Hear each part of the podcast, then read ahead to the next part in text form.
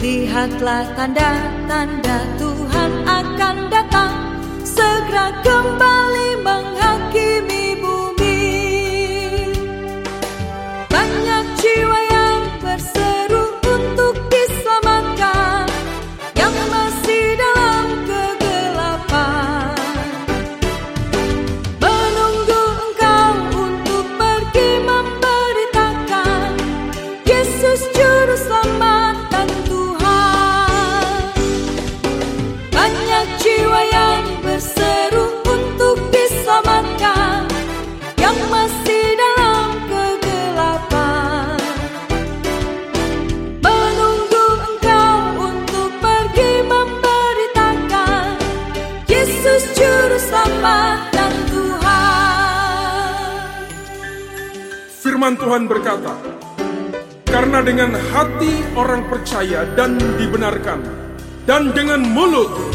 orang mengaku dan diselamatkan,